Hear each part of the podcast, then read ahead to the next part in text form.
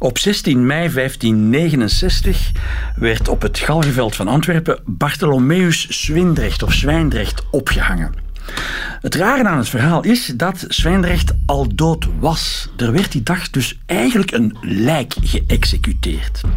We gaan een dag terug. De vorige avond lag Bartholomeus op zijn sterfbed in de Venusstraat in Antwerpen. Zijn einde naderde. Hij was omringd door familie en buren en er was een parochiepriester onderweg om hem de bicht af te nemen en de laatste sacramenten toe te dienen. Maar toen de pastoor binnenkwam, was Bartholomeus verschrikkelijk beginnen schelden en had hij hem beledigd en bespot en had hij hem de kamer uitgevloekt. De omstaanders waren ontzet. Dit is je reinste ketterij. Bartholomeus sterft. Hij zal geen christelijke begrafenis krijgen. De beul komt zijn dode lichaam met de slijkkar halen. En op het Galgenveld buiten de stad zal zijn lichaam wegrotten. En daarna anoniem in niet gewijde grond begraven worden buiten de stad. Alle bezittingen van Zwijndrecht werden aangeslagen en zijn weduwe werd voor eeuwig uit de stad verbannen. Dit is Het Geheugen van de Mug, een podcast van Radio 1.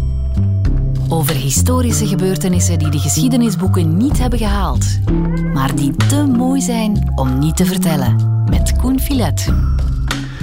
Louise de Schrijver. U doet onderzoek naar de dood en religie in de 16e-eeuwse Nederlanden. Ik stond daar wel even van te kijken, want ik dacht altijd dat, uh, dat het dieven en moordenaars waren die naar de galg werden gebracht en dat die levend naar het galgenveld gingen om daar ter dood te worden gebracht.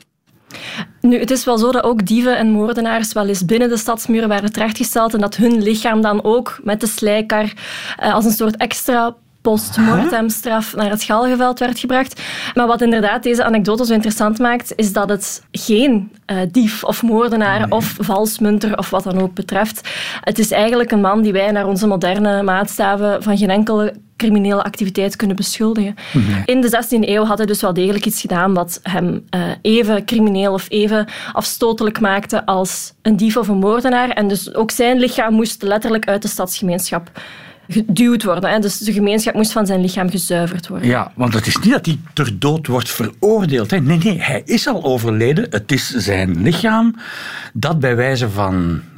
Hij wordt te schande gemaakt. Zoiets, zoiets is het eigenlijk. Absoluut. Het is echt een geval van uh, ja, dehumanisering, desecratie eigenlijk, waar dat men een ander dood lichaam vaak met heel veel, uh, of altijd eigenlijk, ja. in de christelijke traditie, met heel veel rituelen omringt. Eigenlijk gaat men het precies het omgekeerde doen met, met zijn lichaam. En dat was enerzijds dus uh, dat een heel sterke sociale lading, als in heel vernederend om zoiets mee te maken, ook voor de nabestaanden.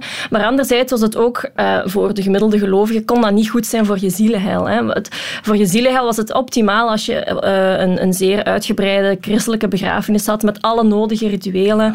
En dat je ook begraven werd in die heilige grond rond de mhm. kerk, waar je ook de bescherming genoot van hè, de allerheiligste punt van de kerk, namelijk het altaar. En dat kreeg Bartholomeus dus allemaal niet. Nee, eigenlijk wordt hij veroordeeld tot de hel. Hè?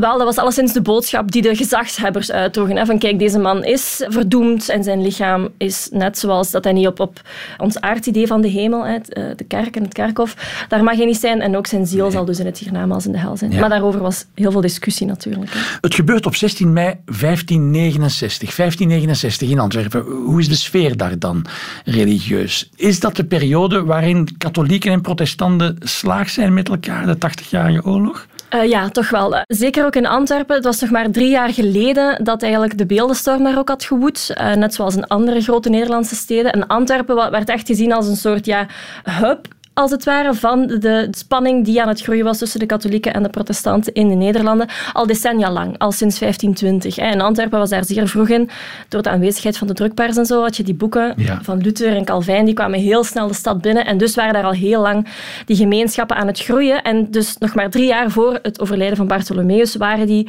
eigenlijk voor het eerst echt heel fysiek slaags geraakt. In die zin dat de Calvinisten volledige kerken aan stukken gebroken hebben. Hè. Ook de Onze Lieve Vrouw-kathedraal en zo. Alles werd eigenlijk vernield. Prachtig kunstpatrimonium natuurlijk, van al die Antwerpse schilders en kunstenaars is daar verloren gegaan. En dan komt de hertog van Alva, de ijzeren hertog, mhm. komt de orde herstellen in naam van Philips II. En eigenlijk moeten we de casus van Bartholomeus volop in zijn beleid situeren. En in het beleid van de Antwerpse klerus, die natuurlijk de orde wil herstellen nadat al hun kerken kort en klein geslagen zijn. Die willen opnieuw orde op zaken stellen. Die willen terug van Antwerpen een goede katholieke stad mhm. maken. En ze maken eigenlijk van dat doodsritueel een zeer groot punt in dat herstelbeleid. Het is alsof ze het beleid rond de funeraire cultuur in Antwerpen als een soort toetssteen zien voor de algemene goede katholieke gezindheid van de stedelingen. Okay. Waarom? Omdat op het doodsbed je een aantal harde keuzes moest maken. Er waren heel veel mensen die met die opkomst van de reformatie het allemaal niet meer goed wisten. Wat is er nu ketterij, wat is er nu geen ketterij? En die bij leven twijfelden. Absoluut, ah, en die bij leven dus ook een keer het een en een keer het ander deden. Die bijvoorbeeld bij de beeldenstorm naar heel wat van die protestantse hagepreken waren gegaan buiten de stad. Die ook in die korte periode van ad hoc de facto tolerantie van protestantisme wel openlijk hun protestants geloof hadden beleid, maar die dan, als het terug heel moeilijk werd met Alva die aankwam, braaf mee naar de kerk gingen en, en kinderen terug katholiek doopten. Dus je ziet mensen voortdurend een soort eigen amalgaam maken van uh, rituelen. Ja, als je het verhaal beluistert met 21ste eeuwse oren, mhm. dan lijkt het alsof die Bartholomeus een ongelovige is die een priester buitenshot. Maar nee, het zou kunnen dat het een protestantse gelovige is die een katholieke priester buiten, ja, buitenshot. Dat, dat, is vrij zeker. Ja, dus waarschijnlijk was dat net een heel vroom man die in ja, zat met zijn zielenheil en die dus niet bereid was om, zoals andere van zijn meer gematigde geloofsgenoten, dan toch maar die aanwezigheid van die katholieke priester te verdragen op zijn doodsbed om zijn weduwe te beschermen of zijn erfenis. Hij was waarschijnlijk een vrij radicale protestant. Juist. Die alle uh, voorzichtigheid overboord heeft gegooid en eigenlijk gezegd heeft van kijk, kom wat mee, ik wil u hier niet. Ja, want dat moet hij geweten hebben. Hè. Het gevolg van de woorden die ik hier nu uitspreek, we veronderstellen nu even dat hij nog bij, goed bij zijn verstand was, want hij ja, was stervende natuurlijk. Maar als hij dat nog besefte, dan wist hij, na mijn dood zal ik op het galgenveld hangen rotten en ik eindig op in een anoniem graf. Inderdaad, dat wist hij. En mijn vrouw is al haar bezittingen kwijt en wordt, wordt verbannen. Ja. Dat wist hij ook. Dat zou wij geweten moeten hebben. Nu, het is zoals u zegt natuurlijk, we weten niet in, in hoeverre hij nog helder van geest was. Maar er zijn andere gevallen bekend van mensen die dat wel goed beseften, waarvan we wel kunnen afleiden dat ze ondanks die verordeningen en die bepalingen ja, eeuwige verdoemenis, uh, dat moet ook schrik aangejaagd hebben. Ja. Uh, als ze die Calvinistische predikers serieus namen. Hè. Die zeiden van, een crucifix aan uw doodsbed, een kaars aan uw doodsbed, heel gevaarlijk voor uw zielenheil. Ja. Ah ja, want er werd aan twee kanten gedreigd natuurlijk. Ah ja, natuurlijk. Keuze... Ja, eigenlijk waren de, de, de gemiddelde gelovigen zat eigenlijk tussen twee vuren. Ah ja. Voor de reformatie was het een vrij duidelijk pad richting het zielenheil. Je moest uh, het traditionele pad volgen met, uh, onder begeleiding van de christelijke klerus, moet ik dan zeggen. En na die reformatie zegt de ene van je moet het laatste sacrament hebben om de hemel te kunnen bereiken. De andere kant zegt, ja, maar als je dat sacrament laat toedienen, dan, ben je eigenlijk, dan doe je aan idolatrie op je doodsbed, aan afgodenverering. En dan breng je je zielenheil net enorm in gevaar. Ja. Dus het is eigenlijk ook niet verwonderlijk dat veel mensen de reactie hadden om misschien van beide kanten een beetje. Ja, ja. En eh, heeft u het idee vanuit uw studie dat de modale Antwerpenaar of de modale Vlaming of de modale bewoner van de Lage Landen daar intensief mee bezig was? Of waren dat toch religieuze uh, scherpslijpers die. Want je moest er bijna op studeren, neem ik aan. Wat... Uh, wel, daar is natuurlijk veel discussie over. Ik ben natuurlijk een religiehistorica, dus ik heb natuurlijk de neiging om religie zeer serieus te nemen. En ik denk dat dat ook iets is waar wij als uh, vroegmoderne historici op moeten letten, omdat wij als moderne mensen, wij begrijpen een beweegreden van geld, prestige, sociaal. Dat zijn allemaal dingen die ons ook nog sturen in ons dagelijks leven. Terwijl ons inbeelden dat religie ons leven stuurt in onze heel geseculariseerde samenleving, dat is voor ons denk ik moeilijker. Ja, je gaat dan gauw denken, de hel, ze zullen daar toch wel niet echt in geloven. Nee, of in een processie wie vooraan liep, dat ging enkel en alleen om prestige en religie was een soort schaamlapje. Daar zijn um, historici die daar anders over denken, maar het is toch mijn persoonlijke overtuiging dat mensen daar wel enorm mee bezig waren. En eigenlijk misschien ook net vaak nogal sterk als hun eigen einde naderde. Dan werden ze ja. gedwongen met dat naderende hiernamaals. En denk ik dat zij daar echt wel mee bezig waren. Ook omdat we weten dat de basisbegrippen van de theologie in die tijd veel mensen hadden daar noties van. Uh, we hadden ook een zeer geletterde bevolking natuurlijk in die tijd. Er was een heel rijke, ook orale cultuur, die rederijkerscultuur was zich enorm aan het toeleggen op die theologische debatten. Dus er waren heel veel bronnen waarop dat ook de gewone man, een man als Bartholomeus Wijndracht, die eigenlijk maar een makelaar was en geen priester of geen predikant, dat hij zich daar bewust van was van wat er op het spel stond. Als het zo'n belangrijk thema was voor iedereen, een keuze waar iedereen voor stond, dan moet die Bartholomeus Wijndracht geen uitzondering geweest zijn. Dan moeten er nog van die lijken naar het galgenveld gebracht zijn. Ja, absoluut. Uh, en ze zijn moeilijk te vinden wel hoor, omdat er minimaal over uh, genoteerd werd in de bronnen. En die mensen hebben zelf natuurlijk ook, dat was nog niet de tijd waarin dat mensen uitvoerige dagboeken schreven over hun eigen families. Um, maar ik heb in mijn onderzoek voorlopig 22 gevallen ontdekt ah, ja, uh, van allerlei mensen die op allerlei verschillende manieren geprobeerd hebben buiten die katholieke kerk te sterven.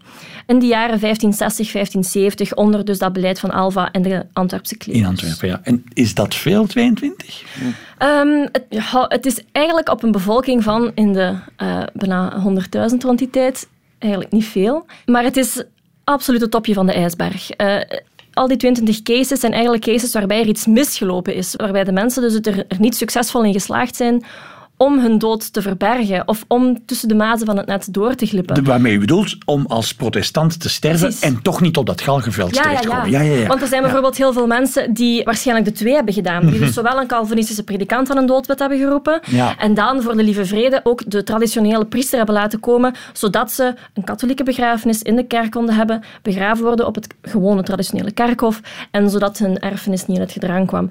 Maar we weten bijvoorbeeld van een heel rijke suikerbakker, dus een een patissier eigenlijk uh, uit de 16e eeuw, dat hij dat ook bijvoorbeeld geprobeerd heeft. En de enige reden waarom dat we dat weten, is omdat de katholieke um, van de kathedraal vlak af hebben geweigerd om te gaan. Die hebben gezegd, wij kennen u wel, u bent een zeer prominente Calvinistische man en het enige reden waarom dat u die sacramenten wil, is omdat u uw erfenis wil veiligstellen voor uw weduwe. Dus wij komen niet. En daardoor is die man dus toch op het Galgenveld terechtgekomen. Ze hebben trouwens, dus zijn, zijn, zijn echtgenoot en zijn vrienden hebben, hebben de inboedel volledig leeggehaald in die laatste dagen van zijn leven. Dan hebben ze hem eigenlijk achtergelaten en pas vier dagen na zijn overlijden is zijn lichaam uiteindelijk aangetroffen in zijn lege huis door de autoriteiten. Ah, en dus zo is die man in onze bronnen terechtgekomen. Maar hoeveel van zo'n cases zijn aan ons voorbij gegaan?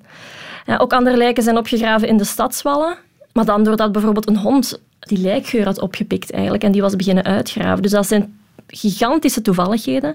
Uh, ik was vanochtend nog met een case bezig van uh, een andere man die ook op, het ster, op zijn sterfbed lag, die ook een katholieke priester had weggejaagd, uh, maar die dan gevlucht is. Die dus eigenlijk uit zijn sterfbed zijn lichaam oh. eruit gesleept heeft. En want de volgende dag kwam er natuurlijk iemand van de stad aankloppen en die zei van, wat is dat hier allemaal? Uw man wil geen laatste sacramenten. Is dat misschien een katter? Maar hij ging naar zijn slaapkamer en dat bed was leeg. En die vrouw kon niet zeggen waar haar man naartoe was of wanneer hij zou terugkomen. Een dag later is dat lichaam in een heel andere straat in Antwerpen terug opgedoken. Hij was dood ondertussen. Hij was dood, ja. Hij is waarschijnlijk zijn huis ontvlucht, precies voor zijn vrouw en voor zijn erfenis. Omdat hij ergens waarschijnlijk wou gaan sterven zonder de sacramenten. Ja, ja, ja. Zonder dat dat aantoonbaar zo geweest was. En zodat zijn vrouw uh, zijn, haar erfenis kon behouden. Nu, dat is wel mislukt, want hij is dus ook op het Galgenveld terechtgekomen uiteindelijk, waardoor ik dus ook weet van zijn bestaan. Dit was Het Geheugen van de Mug. Een podcast van Radio 1 in samenwerking met de KU Leuven. Meer merkwaardige verhalen uit de cultuurgeschiedenis lees je in het boek Het Diner in de Dinosaurus. Al onze podcasts vind je via de app van Radio 1 of op radio1.be.